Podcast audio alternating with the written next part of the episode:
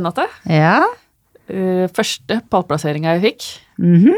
det er noen år siden, det var tredjeplass. ja, så bra. Kjempebra, Ja. kjempestolt. Men det som ikke så mange veit, er at eh, det var bare tre deltakere med. Ja. Jeg fikk, jeg fikk pokal, men eh, ja, men du deltok? ja da, gjorde det. Ja. Syns det var bra, jeg. Ja, var litt stolt allikevel. da. Første pallplass, jøss. Yes. Ja, klart det. En bra start. Ja. Ja.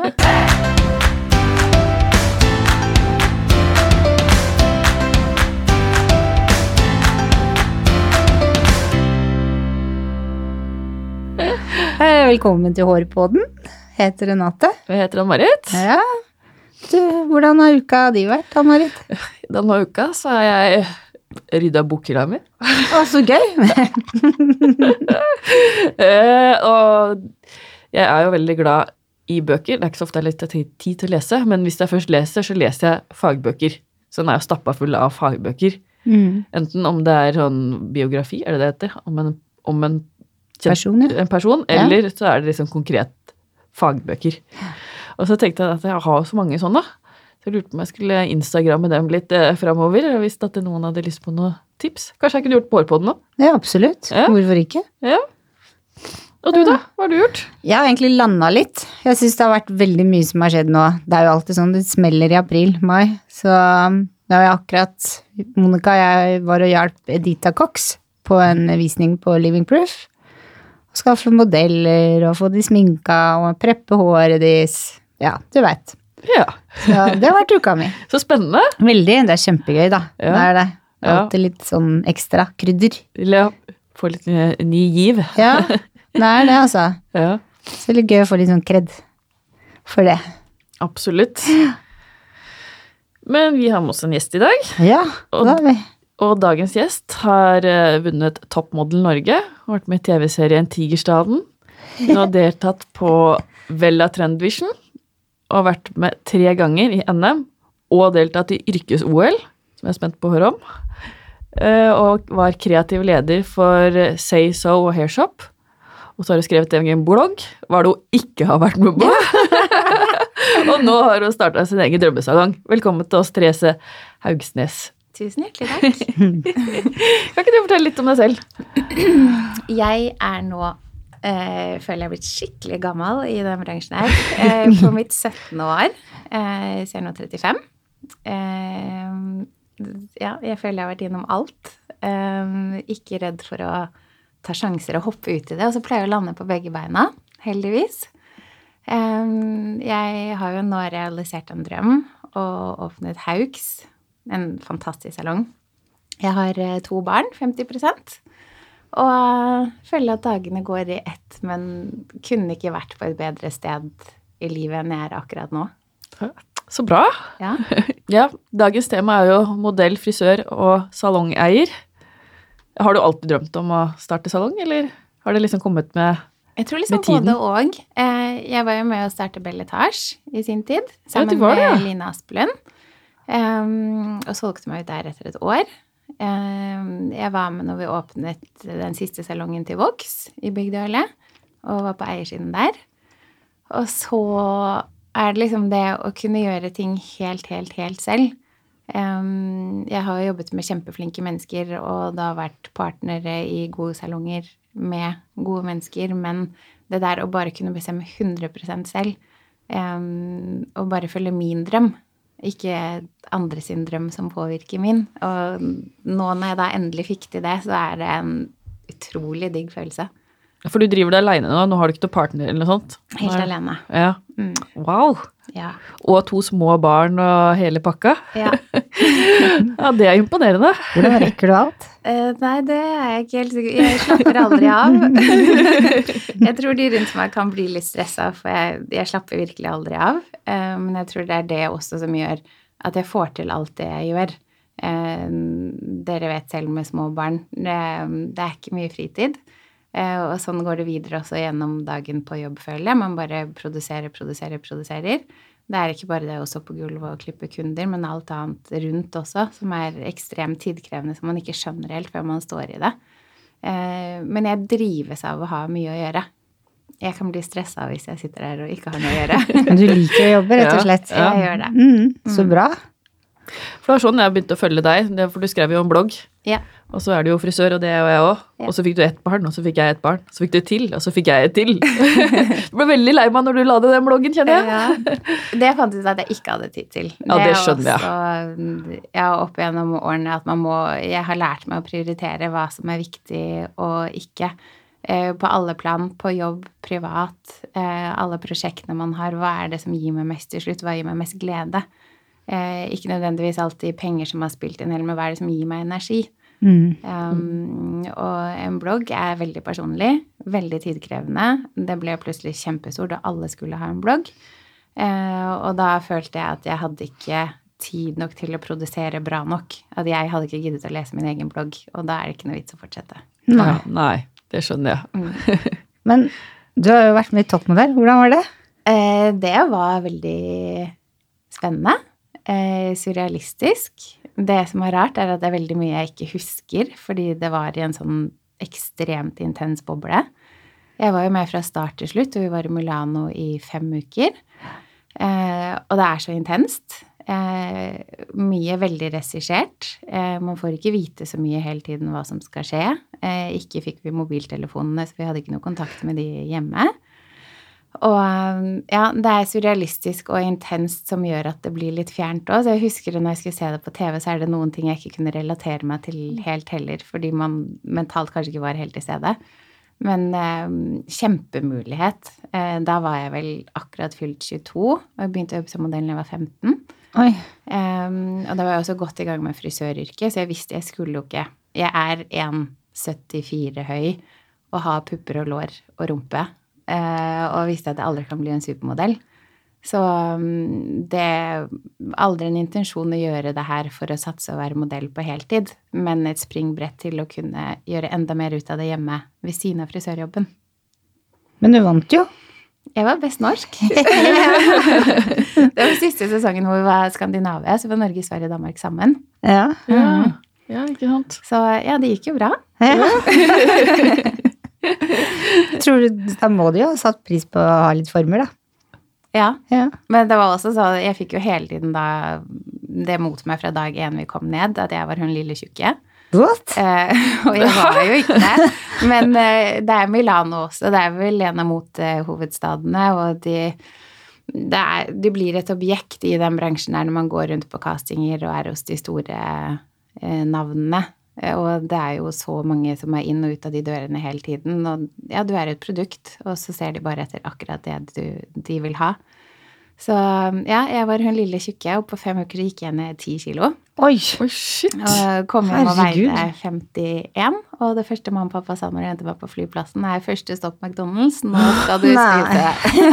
Stakkars foreldre. Så, um, det tror jeg var bare sånn psykisk, fordi man fikk høre det hver dag. Jeg ser på meg selv som en sterk person som ikke lar meg påvirke så veldig lett, men det klarte å gjøre det allikevel. Mm, ja, det er jo tydelig. Det, det er jo noe med det når du helt konstant får den der eh, slengt etter deg. Det, Og så er jeg et konkurransemenneske, da. så jeg ble liksom, da skal jeg vise dere, da. ja. Men eh, veldig glad at jeg var 22 når jeg var med på det. Eh, at jeg har en familie rundt meg, at jeg har venner, at jeg hadde et byrå i Norge. Eh, som også er veldig bra. Eh, jeg syns det er kjempeskummelt når jeg så hva det gjorde med meg. Eh, når jeg føler meg såpass sterk. Og så tenker jeg da de unge jentene som går ut i den bransjen. Mm. Eh, det er skikkelig, skikkelig skummelt. ja, rett og slett. Mm. Shit, ja. Blei det rett McDonald's? Ja. det er hyggelig at det kom, på jeg bort. Jobber du fortsatt som modell, eller? Nei, nå er det svært, svært, svært lite. Ja. Jeg gjorde en liten ting her eh, ja, for noen måneder siden for en norsk designer eh, som har et merke som heter eh, Herregud, nå klarer jeg ikke å komme på det engang. Hodet mitt bare surrer. Da gjorde vi en shoot på The Thief. Jeg kan gjøre ting hvis det er via folk jeg kjenner, med folk jeg kjenner, og hele settingen rundt er laid back, så gjør jeg det. Blir det for stort og med for store navn og for store mennesker, så Nei, det prioriterer jeg ikke nå. Da, blir liksom, da kommer det derre press igjen, og så tenker man for mye på at man er blitt eldre, og man har fått to barn, og kroppen er ikke sånn som den var, og da, da velger jeg det bort. Ja, For du slutta etter du fikk barn, egentlig, da? Ja, Ja. og kanskje litt før det. Ja, ok. Men du etterutdanna deg på Vidar Sasun. Mm. Kan ikke du fortelle litt om det? Eh, det var da Var det et halvt år etter jeg hadde tatt svennebrevet. Var litt sånn Jeg har jo vært innom perioder på de 17 årene hvor man har vært litt lei og ikke vært like motivert. Eh, og tenkte at nå må jeg finne på noe gøy. Eh, og kjente da noen engelske frisører som hadde gått Vidal Sassoon, og visste jo selvfølgelig at det var en kjempebra skole. Um, jeg hadde arvet noen penger som gjorde at jeg da kunne melde meg på kurs der. Så jeg meldte meg først på et halvtårskurs. Jeg kom dit og følte at kanskje ikke man lærte så mye, for det var veldig back to basics. Så jeg gjorde om, og så tok jeg da masse ukeskurs. Så jeg var en uke på skolen, hadde en uke fri. Jeg var på skolen og var der vel totalt i ja, fire måneder. Så bodde jeg hos eh, en som heter Billy Curry og Debbie G, som har jobbet for Vidal Sassoon i mange, mange år. Eh, de leide ut av et rom i huset sitt. Jeg var kjempeheldig å kunne få bo hos de, så jeg følte jeg fikk sånn skikkelig inside. Ja. Eh, og kom da automatisk litt inside med de på skolen. Så når jeg ikke gikk på skolen, så fikk jeg hjelpe til masse også. Eh, backstage i hele Herregud, så systemet. heldig! Ja. Wow, det er veldig. Så det var supergøy, de månedene der nede. Jeg, ja, det var time of my life. Jeg Ja. ble kjent med så masse morsomme mennesker og ja, Ja, litt sånn jeg surrealistisk liv akkurat da. Har du kontakt med de fortsatt? Eh, ja, sporadisk. Mhm. Jeg har det. Eh, og det er jo så morsomt sånn som sosiale medier er blitt nå, som ikke var da. Eh, at det er så mye lettere å følge med på hverandre gjør. Mhm. Eh, og terskelen er lavere for å bare sende en liten kommentar eller sende en melding. Og lettere å ha kontakt og følge med. Mm. Jeg må jeg må bare spørre, for du, du starta, og så syntes du det var for basic, og så valgte du liksom å ta de der kursa som du ser de har skrevet på online, holdt jeg på å si. Sånn derre Ja, da tok jeg de øverste klippe- og fargekursene. Så tok jeg mange av de samme kursene om igjen, for det er alltid nye modeller og nye lærere. Ja, ikke sant? Så selv om man hadde gått ja. et kurs én gang, så var det alltid nytt neste uke. Ja, ikke Mm. sant. Ja, shit. Det Så- må være veldig lærerikt, ja. Veldig crazy klipper og farger og alt sammen som ikke man kan ta med hjem og putte på kundene her, men man kan jo plukke det fra hverandre og bli inspirert, og så tar man biter av det.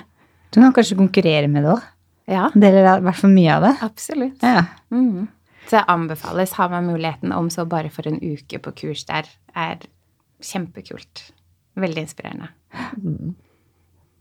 Men uh, yrkes-OL, Mhm. hva er det? Det eh, heter World Skills, som arrangeres annethvert år rundt omkring i verden. Jeg mener det er i overkant av 50 yrker som er representert, og da selvfølgelig alle verdens land. Eh, jeg hadde da vært lærling i ett år, for jeg deltok på mitt første NM etter et halvt år som lærling, eh, og konkurrerte mot da de lærlingene som skulle til VM, som hadde blitt tatt ut året før, og jeg klarte å vinne over henne. Nei! Wow! Så da fikk jeg billetten til uh, yrkes-OL. Uh, så jeg hadde bare vært lærling i ett år. Man må være under 22 år, mener jeg, for å kunne få lov å delta i det. Man har kun lov å delta én gang i livet, ikke flere ganger. Og så konkurrerer man da mot de i samme yrke fra de andre landene. Og vi hadde vel elleve disipliner totalt. Så du går gjennom egentlig alle svennebrevsdisipliner. Fra permanent til farget til klipp til skjegg til bølgeføn. Du tok svenneprøve på nytt, du da. Ja. Pluss, pluss, pluss. Ja, og det var da på seks dager. Så vi hadde to disipliner hver dag. Én før lunsj og en etter lunsj. Jeg har sett det på Facebook, for skolene legger det ut. Og NFUB også har lagt ut sånn innimellom. Mm. Og det har sikkert har forandret seg en del Ja. siden da, for det er jo da 16 år siden nå. Mm. Um, men det er også for en opplevelse. Når man er ung og sulten på faget og får lov å være med på det der. Og det er jo åpningsseremoni og avslutningsseremoni, og alle har like drakter, Oi. og man går med flagget, og det er liksom OL for yrkesfag. Utrolig stort og utrolig gøy. Veldig høytidelig. Ja. Og det er jo et, eh, et stort apparat rundt det, så man blir jo passa på å bli kjent med masse nye mennesker, og jeg fikk en fransk kjæreste. Og... ja. Men du er jo nesten, du har jo vært på Tigerstaden nå, du er jo nesten litt kjendis selv. Styler du mange kjendiser, eller? Eh, jeg har noen Ja. eh, av de norske, men det er også jenter eh, Jeg har flest jenter som jeg også da har kjent i mange år, som også har vært vanlige mennesker i Gåstein, hvis man kan si det, og som har jobbet seg opp og frem og gjør mye bra. Katrine Sørland ble jeg jo kjent med da jeg var på toppmodell, så hun har vært kunde hos meg siden da. Og Ja. meg overalt. Hun kom til og med til Strømmen. Jo, gjorde det. Så vi er også blitt kjempegode venninner. Ja. Så ja, det har blitt noen kjente navn etter hvert. Men jeg føler For meg er jo de venninner fordi man kjenner hverandre så godt. Det ja er ikke veldig sånn lojalt eh, forhold. Mm. Men de jentene på tirsdag, nå husker jeg ikke hvem som var det. var Marie og Linni Meister og Eh, deg og en til, var det ikke? Ja, Karina Dahl. Det var det, ja. stemmer det. Ja.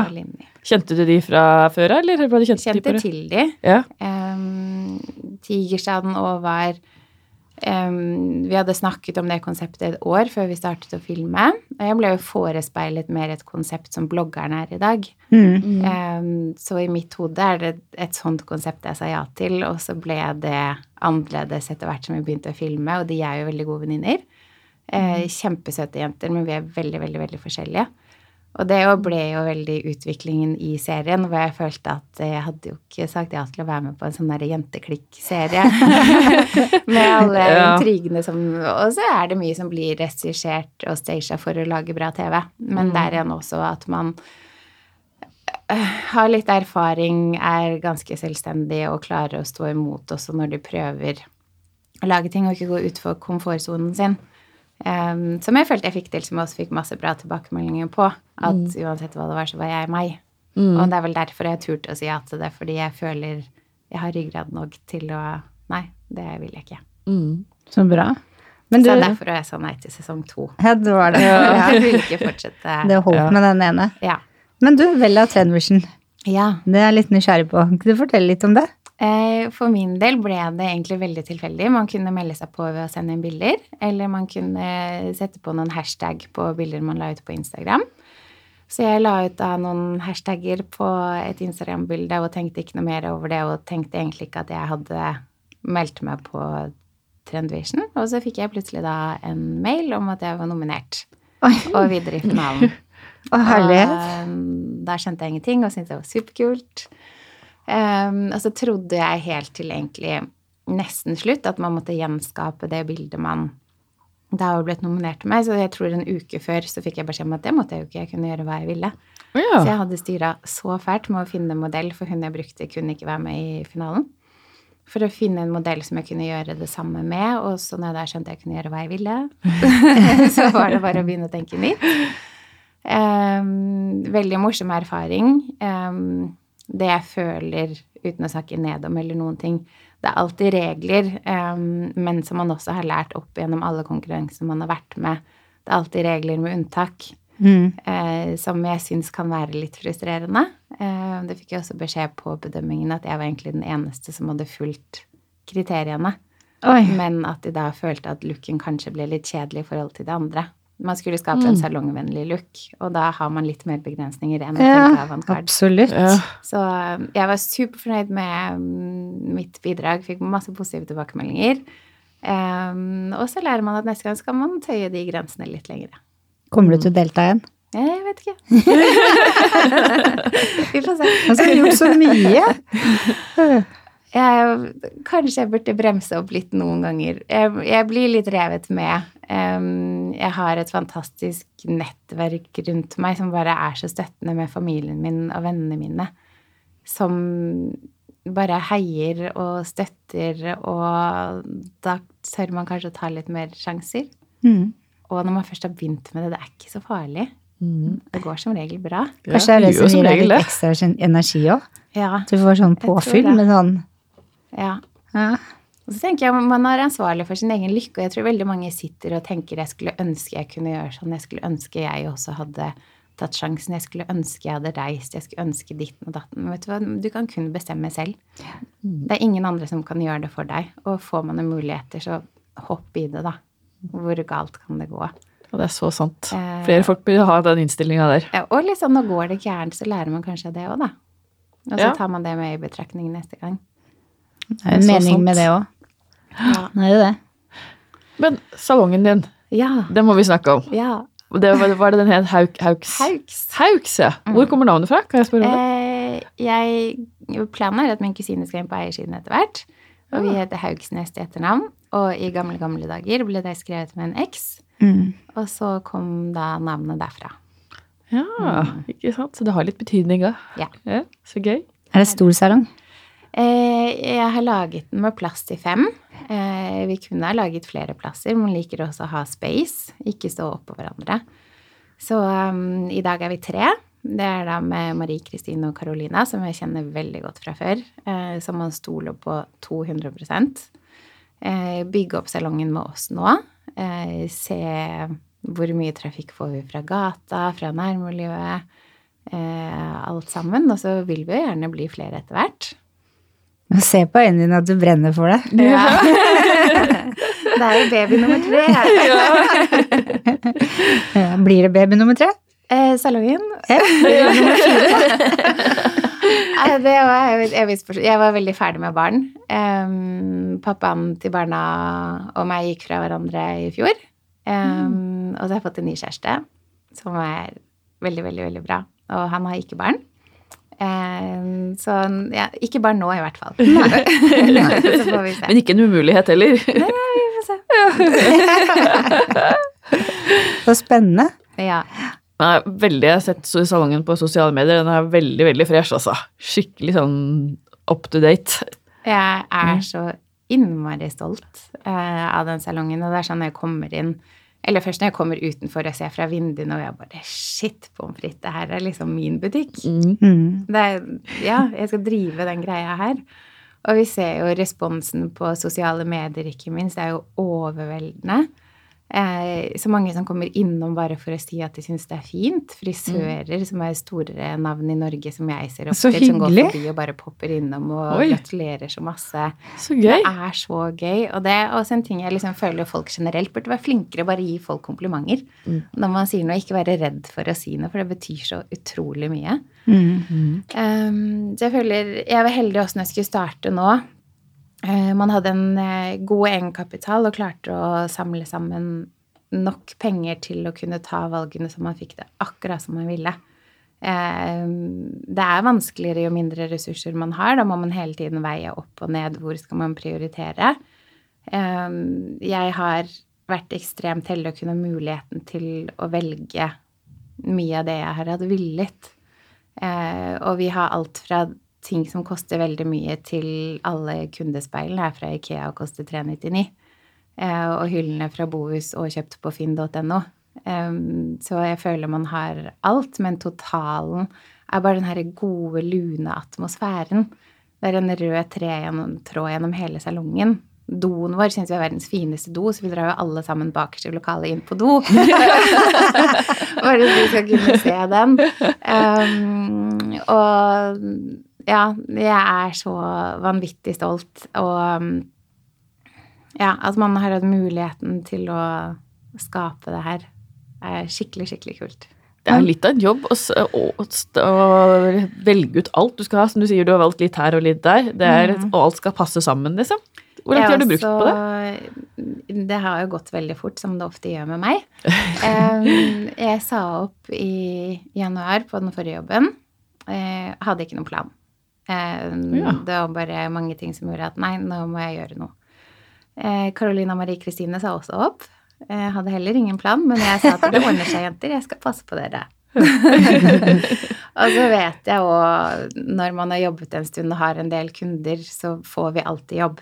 Eh, Det er jeg ikke redd for i det hele tatt. Men så er det òg Nå har jeg prøvd, jeg har vært selvstendig, jeg har vært ansatt i et stort konsern, jeg har vært ansatt i en liten salong, jeg har vært medeier, og det er liksom Nå må jeg finne på noe som gjør som jeg kan bli. Jeg må slutte å hoppe rundt. så da var det å ringe banken, og jeg sa Når jeg har sagt opp jobben, kan jeg få en million? Og de bare eh, Therese, hva sa du for noe nå? jeg bare Jeg trenger penger, jeg skal starte salong. Ja. Um, og så begynte jo den ballen å rulle. Jeg har en veldig god bank, god bankkontakt. Og med egenkapitalen og alt, så gikk eh, alt i boks. Og så var det da å begynne å lete etter lokale. Det turte jeg jo ikke før jeg hadde pengene på plass. Um, og det er heller ikke bare bare. uh, å finne noe som lar seg gjøre i tide. Vi visste jo da at vi hadde jobb ut april, og da vil man helst starte noe fra 1. mai. Mm. Uh, og så dukket det lokalet her opp, som har vært frisørsalong i mange, mange, mange år. Så tenker man ja, men da kan man jo spare litt penger, for da ligger jo ting til rette. Men det har jo blitt en totalrenovering. Eh, så jeg fikk lokalet 1. april, og vi åpnet med fulle lister 2. mai. Oi, Oi. herregud. Suksess fra første stund, da. Ja. Det det. Men hvilke produkter og hvilken, hvilke produkter bruker dere i kjemi? Hvilken leverandør? Eh, vi har eh, Redken på farger. Ja. Eh, og så har vi på videresalg Sjumura og Kerastase og Eleven. Ja. ja. Det er jo genmassert selv, man kan plukke Ja, det er det. Men det er veldig bra ha? produkter, da. Ja, det er jo eller opp gjennom årene med alt man har jobba med, så får man sine favoritter. Mm. Mm. Redken har det fargene har du sikkert jobba med før også. Ja, det er mange, mange år siden. Mm. Eh, men det er jo også sånn nå man var klar for å prøve noe nytt igjen, og det med støtteapparat rundt i Loreal-huset og alt også er jo veldig betryggende. Mm. Ehm, ja, de er på, og det er bra. Ja, så bra. Jeg likte veldig godt Redken Shades. Ja. Syns jeg var helt Fantastiske. fantastiske. Men så er det også sånn hver gang man bytter merke, så må man lære litt på nytt. Ja. Eh, fordi alt er litt forskjellig, så vi føler jo nesten vi er tilbake på skolen. Men det er også morsomt, for jeg føler man blir flinkere av det, for man må tenke mer. Mm. Det er akkurat det. Man begynner å tenke teknisk. Mm. Hm. Så spennende. Ja, virkelig. Har du alltid drømt om å være frisør? Jeg hørte, Var det du som sa det med dokker som hadde klippa og sånn når du var liten? Mm. Som jeg hørte på en tidligere podkast? Ja, det, jeg hadde vaskejobb, og så kjøpte jeg en ny dokke av meg fredag.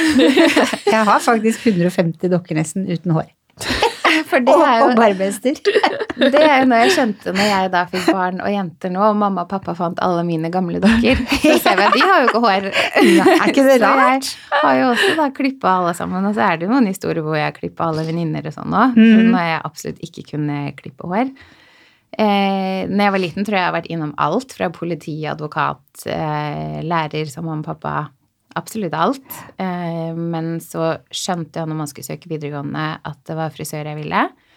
Jeg er litt utålmodig, så jeg tenkte det var helt waste å gå to år på videregående for å bli frisør, for man kunne gå privatskole et halvt år. Og de har vel 18-årsgrense, tror jeg, i privatskolen i hvert fall da, så mamma var med meg rundt på alle skolene. Ja. Eh, og jeg fikk lov å komme inn på alle, men endte med å gå tegneform og farge og frisør på Strømmen Ja. allikevel. Eh, og gå den ordentlige veien. Jeg syns det var helt forferdelig å gå tegneformfarge. Jeg er ikke flink på å tegne. Eh, jeg syns kunsthistorie var helt ræva. Eh, jeg gikk i klasse med alle disse som var flinke til å tegne og var kreative og kunstneriske, og at jeg da skulle få dårlige karakterer på det fordi ikke det var min drøm, syntes jeg var skikkelig urettferdig, så jeg hadde møter med i skolen også noen ganger. For det syntes jeg var helt feil. Jeg var veldig god i alle teoretiske fag, matte, norsk, engelsk, fikk opp karakteren der. Så det var jo ikke noe problem å komme inn på frisørlinja. Eh, og der også var det jo toppkarakterer i alle fag, fordi jeg tror ofte med frisør og kreative yrker at enten så har du det i deg, eller så har du ikke det. Mm. Man må ha det litt i fingrene. Mm. Ja, det er Ja. sant. Mm. Det er sant. Du burde faktisk kanskje gjort litt med det utdanningsløpet. Ja, jeg gikk jo ikke for formgivingsfag. Nei. Jeg ser for, ser for meg frustrasjon hvis jeg skulle tegne en fruktkurv, liksom. Ja. Så jeg kan forstå Og et helt år. Men jeg lurer på om er det ikke gjort om litt kanskje når de starter Jo. på i første året så implementerer frisør? At det er litt annerledes? Og så er det jo Ja. også sånn eh, Du får jo velge fag eller den retninga, sånn at du på en måte kan ut i bedrift og teste. Og hvis du har elever som deg, da, som er utålmodige med tegning og sånn, så kan man inngå samarbeid med bedrift, sånn at du kan være i bedrift et par-tre ganger i uka, eksempel. Mm. Det er jo jo kjempesmart. Ja, men man skal jo liksom Jo, jo, De skal få holde den. på med det de brenner for. Ja. Ja. Absolutt. Skal ha så relevans til det de har lyst til å bli, på en måte. Og det er Ja. jo ikke det å sitte og tegne bananer og epler. ja. Mm. Eh, hva er det som inspirerer deg? Andre flinke folk. Selvfølgelig faget vårt. Jeg blir veldig inspirert av jentene jeg jobber med. De er yngre enn meg, de er mer oppdaterte eh, på teknikker og ser på YouTube hele tiden og sånn som jeg ikke finner tid til. så jeg blir veldig inspirert av de. Jeg bruker Instagram veldig aktivt, og blir jo inspirert av flinke frisører der. Og så blir jeg inspirert av andre mennesker generelt som bare satser og gjør og får det til. Mm. folk som er flinke i faget sitt. Jeg har veldig respekt for alle yrker, sånn som når vi skal bygge salongen og også ha Jeg kan ikke lys, jeg kan ikke eh, rør, jeg kan ikke Jeg har en av mine beste venninner som er interiørarkitekt, som kjenner hodet mitt, eh, og fortalt henne mine visjoner, og så kommer hun med 'Jeg syns du da burde velge sånn eller sånn'. Og hun kan jo det. Og jeg har veldig respekt for å bruke mennesker som har ekspertise i sitt fag, som kan føre meg inn på mitt spor, sånn at jeg blir bedre også. Men jeg kan ikke alt. Jeg føler jeg kan hår, Mm. og det kan jeg stå for. Men ja, jeg blir veldig inspirert av folk som satser og får det til. Mm. Oh, det blir jeg inspirert av sånne, sånne mennesker, ja. Mm. Som får det til, som bare gjør det. Ja. Ja. så er det jo eh, Ja, også liksom folk som vil andre vel òg. Det føler jeg er en del med å starte salongen, at jeg vil skape en arbeidsplass som er bra på alle måter. Eh, jeg kunne ikke drevet den salongen her alene. Det hadde jeg ikke hatt råd til. Jeg hadde ikke klart å betale husleien, jeg hadde ikke klart å betale regningene. Så salongen er jo minst like mye de jeg har med meg i salongen. Eh, og det skal lønnes. Så jeg skulle si det er et veldedighetsprosjekt, det er jo ikke det. Men eh, jeg er opptatt av at de skal ha gode lønninger, og det har de. Jeg har høyere pensjonssparing enn hva loven krever, som svært få unge i dag tror jeg tenker på. Vår generasjon er ikke veldig heldige når vi går av med pensjon. Det er ikke mye pengene vi får. Det er helt sant. Så jeg føler jeg hjelper de litt på veien der, at jeg har høyere pensjonssparing, og prøver å oppfordre til at de i tillegg til det å kanskje spare litt selv. Ehm, så det er gode betingelser hele veien, og ja, man har jo en visjon om at man tjener litt ekstra med å starte en bedrift, men jeg klarer ikke den bedriften her uten å ha gode medarbeidere. Så jeg føler det er kjempeviktig å verdsette de for den jobben de gjør. Så det Da- er da får du veldig bra rekruttering. Ja. Men da får du jo også frisører som blir, da. Som ikke liksom bytter det tida. Det lærer tida. man jo opp Ja. gjennom, spesielt kanskje i Oslo. Det er så masse bra salonger. Mm. Det er så mye flinke frisører. Mm. Og mm, igjen, er man flink, så føler jeg vi kan velge og vrake litt nesten nå hvor man skal jobbe. Men for å klare å holde på de flinke, så må man ha det lille ekstra som gjør at man ikke hopper så mye rundt, da. Ja, Mm, man må kanskje. gi noe for å få noe. Ja, Mm. og sette sammen et bra team også. Vi, er, eh, vi funker bra sammen, og det må man tenke på ved nye ansettelser også. At alle går sammen. Ja, ikke minst. Mm. Ja. Det er også er det kunst å velge, velge ut de Mm. riktige frisørene. Mm. Men drømmer du liksom om at dere skal ha ti ansatte til slutt, eller liksom har du tatt at det, Nei, Jeg her stopper jeg. tenker eh, på der så stopper vi på fem. Ja, det er fem stoler. Men så har jeg jo en drøm om å kanskje ha to salonger til. ja, men det er jo som en bra drøm. ja. Ikke mer. Men eh, ja, jeg har en drøm om tre salonger. Har du sett deg ut noen som bydeler? Eh, ja. Men det kan jeg ikke si noe om nå. Så um, ja, jeg har en ting jeg har skikkelig, skikkelig lyst til å få til. Eh, Det er litt fremme i tid, eh, så jeg tenker da har vi god tid, kan bruke, tenke enda nøyere gjennom til neste gang enn Mm. nå, når det gikk litt fort. Em, Selv om det heldigvis gikk bra, forhåpentligvis. Um, Så, og så tenker jeg òg i forhold til Jeg tror ikke du er en god leder hvis du ikke er til stede. Derfor tenker jeg at tre er et maks. At man kan være i alle salongene og være der. Det er så viktig å være der tidlig, sent, lørdager. Eh, bære søpla, ta og vaske, skrubbe gulvet, koste hår. Du må gjøre alt. Hvis ikke du gjør det, så får du det ikke til. Det er jeg sikker på. Mm. Da mister du det personlige som også hva de som jobber for deg, hvorfor skal de gidde å gjøre det hvis man ikke gjør noe selv? Og jeg vil jo ikke slutte å jobbe med kunder. Jeg elsker kundene mine. Mm. Det er jo derfor vi er her. Rett og slett. Det er det. Og det blir spennende å følge deg på sosiale medier framover, kjenner jeg. Mm. Men det er, jo, det er vel sånn at en god leder skal jo være en del av teamet. Da må du gjøre alle ting som teamet gjør, egentlig. Det er, eh, det viktigste. Mm. Mm. Du feier vel litt gulver og maler vegger, og hva er det du ikke gjør? Ja, men det skal jeg jo. Ja, ja, ja, ja du er leder, du òg. Ja, Ja. jeg syns jeg man skal, egentlig. Mm. Ja. Hvis ikke så blir det, det er jo litt sånn ensomt noen ganger å være leder på topp. Og Hvis Mm. man melder seg helt ut og bare sitter på kontoret og gjør de tinga du kan gjøre hjemme, egentlig, Mm. så melder, da tar du jo ikke ansvar for den liksom ensomheten din heller, da. Du må Mm. liksom presse deg litt inn og være en del av teamet ditt. Det Det er, jeg det er superviktig Ja. for å få til den gode teamfølelsen. Mm. For å ja, beholde menneskene òg. Mm. Og så er det vel ikke sånn i dag at ledere Før så var jo lederne autoritære. liksom de, Mm. Man turte knapt å spørre om å få fri en lørdag. Men nå skal det jo ikke være sånn. Man skal jo være et type venner eller Ja. en del av de du jobber med. Kjenne de. Mm. Veldig enig. Mm. Mm. Men gir i salongen din ønsker at det skal være sånn konkurransemiljø, eller er det liksom Jeg, Er det en del av konseptet? eh, jeg oppfordrer til det hvis de vil. Mm. Um, jeg skal ikke tvinge noen til å gjøre noe de ikke har lyst til, men hvis de nevner at 'å, det kunne vært kult', så virkelig oppfordrer jeg til det. Mm. Um, det å vite er liksom delt, det koster jo tid og penger Mm. å være med på det, som kanskje heller ikke alle ledere gir rom for. Eh, For man mister jo de litt på gulvet, og man mister kanskje litt omsetning. Mm. Men det er jo en gi og ta. Mm. Hvor bra markedsføring er det ikke å ha noen som er med og markerer seg, og du får jo så mye mer arbeidslyst når du får rom for å utfolde kreativiteten. Mm. Og så lærer jo de masse når de er ute Som og jobber med andre ting. lære meg og de Ja. andre igjen. Så det er jo bare en vinn-vinn-situasjon. Mm. Mm, absolutt. Er det noen av de, de to du har nå, er de noen konkurransemennesker, eller? Eh, Marie Kristine, Ja. Hun eh, var med når hun hadde vært lærling i et halvt år, så Oslo og Akershus eh, opplæringskontoret har sånne lærlingkonkurranser. Så etter et halvt år var hun med på sin første konkurranse og fikk andreplass av alle. Oi. Wow. Ja. Og andre konkurransen, da hadde hun vel vært lærling i et års tid og vant. Oi! Og så hadde vi rett før vi var ferdig i race-gruppen, så har de en intern konkurranse som heter Creative Awards, som egentlig er helt liksom Trend Vision. Uh, og hun naila det. Og knuste de andre, og vant både publikumspris og fagprisen der. Oi! Oi, så er, kult. Uh, hun er en stjerne.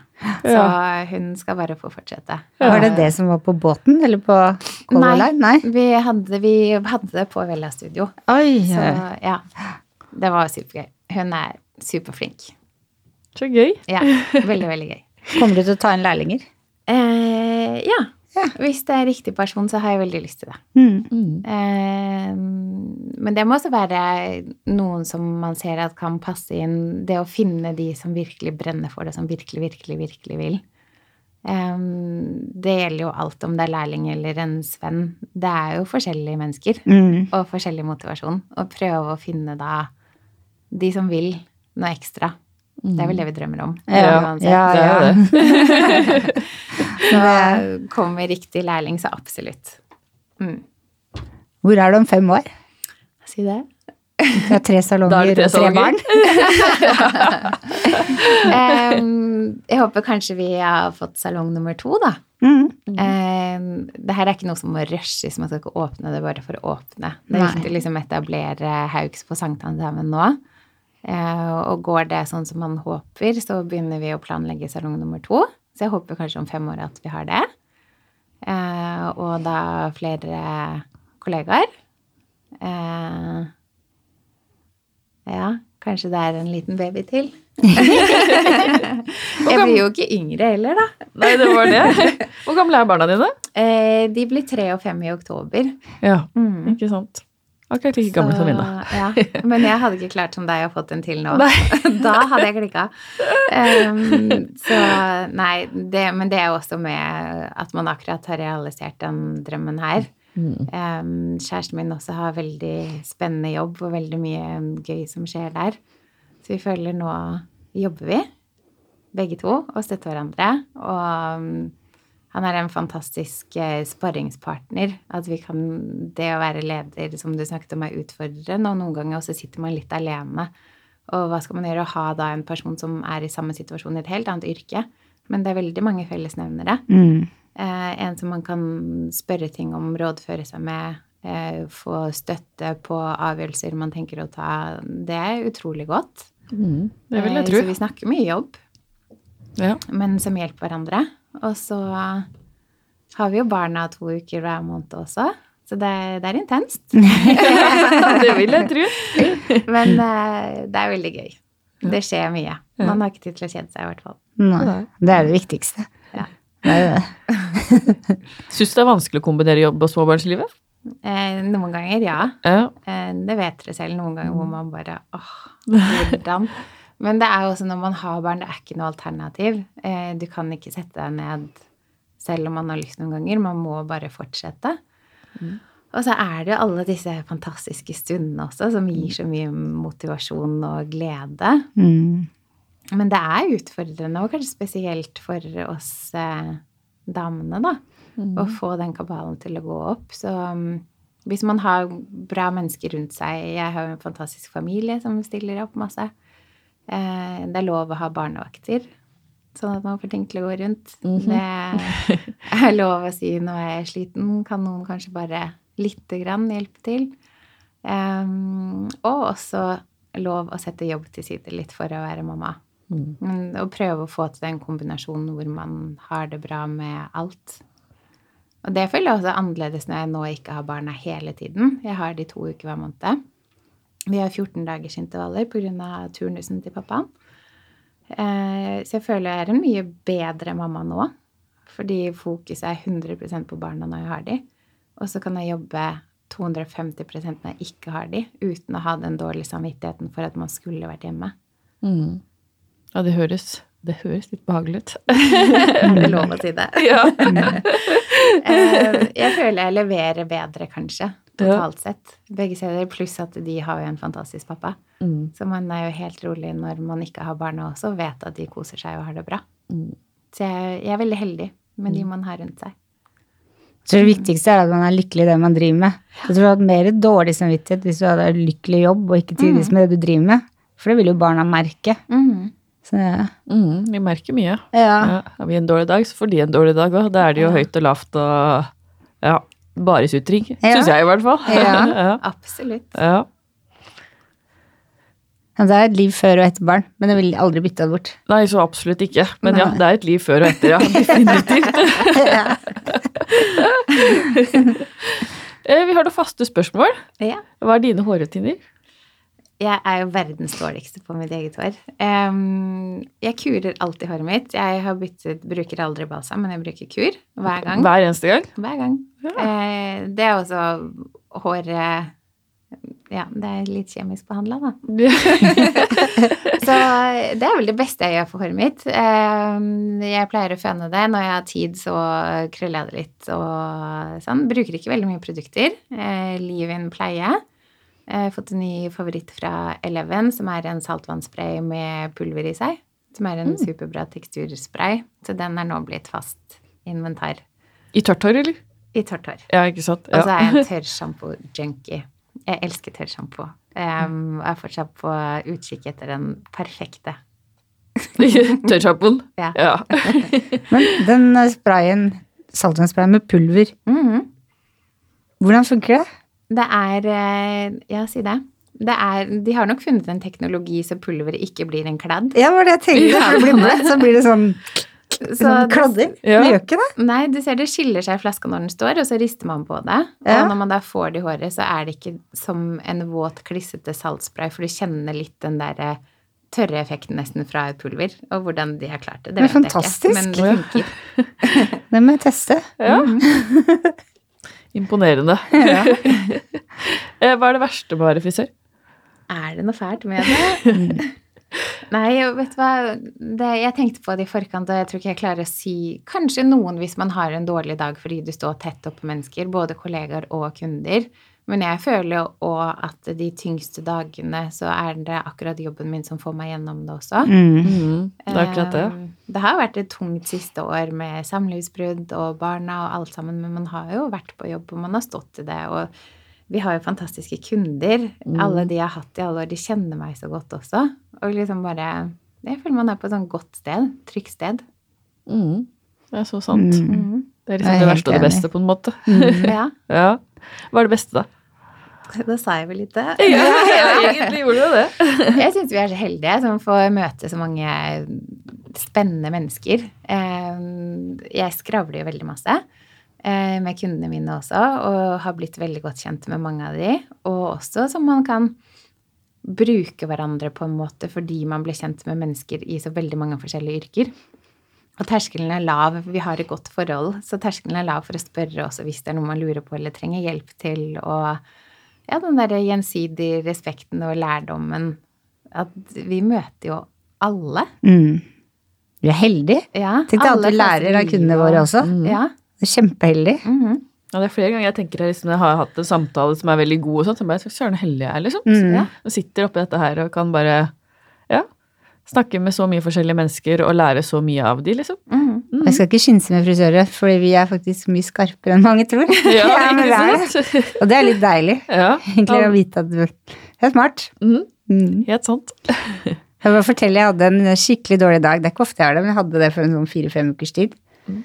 Og så, det, Jeg er ikke noen pokerspiller, så det syns med en gang. Og da sa jeg det med en gang. Jeg har en litt dårlig dag, jeg er litt trist i dag og sånn, men det går over. Jeg skal bare ta første kunde.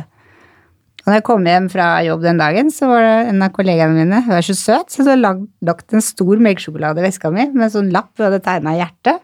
Og så skriver jeg at livet blir ikke perfekt med sjokolade, men det blir litt bedre. Kos deg. Er det sant? Ja! Utrolig Ja, koselig. da satt jeg hjemme i stua mi og spiste melkesjokolade og Og så var- får du jo dagen snudd, som du sa i stad, når du Ja. får deg på jobb og får reist deg litt og sånn, så, Mhm. så avslutta jeg med en skikkelig god sjokolade. Det var Og vi er vel følelsesmennesker, mange av oss. Det å tilpasse oss også forskjellige mennesker.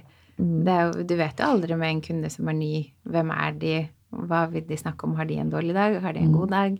Det å kunne lese mennesker. Mm. Og omstille seg det òg. Ja, Noen er helt her, og noen er veldig rolig. Og, ikke sant? Du skal jo omstille deg der òg. Vi gir jo veldig mye av oss selv, vi Gjør det. Og så får får vi mye tilbake. tilbake. Ja. Ja, det er sant. Jeg ville aldri bytta. ja. Ikke jeg heller. Ikke den podkasten her heller. Nei, nei, det er nei. Herlighet.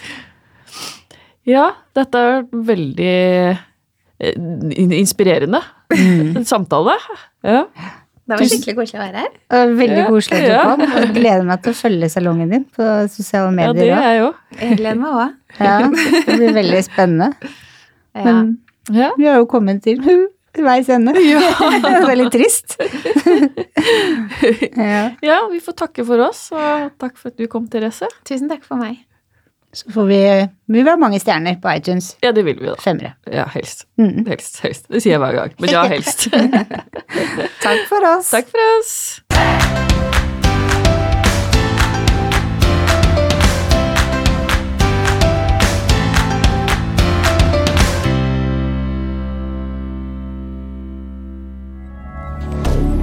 Moderne media. Har du et enkeltpersonforetak eller en liten bedrift? Da er du sikkert lei av å høre meg snakke om hvor enkelt det er med kvitteringer og bilag i fiken, så vi eh, gir oss her, vi. Fordi vi liker enkelt.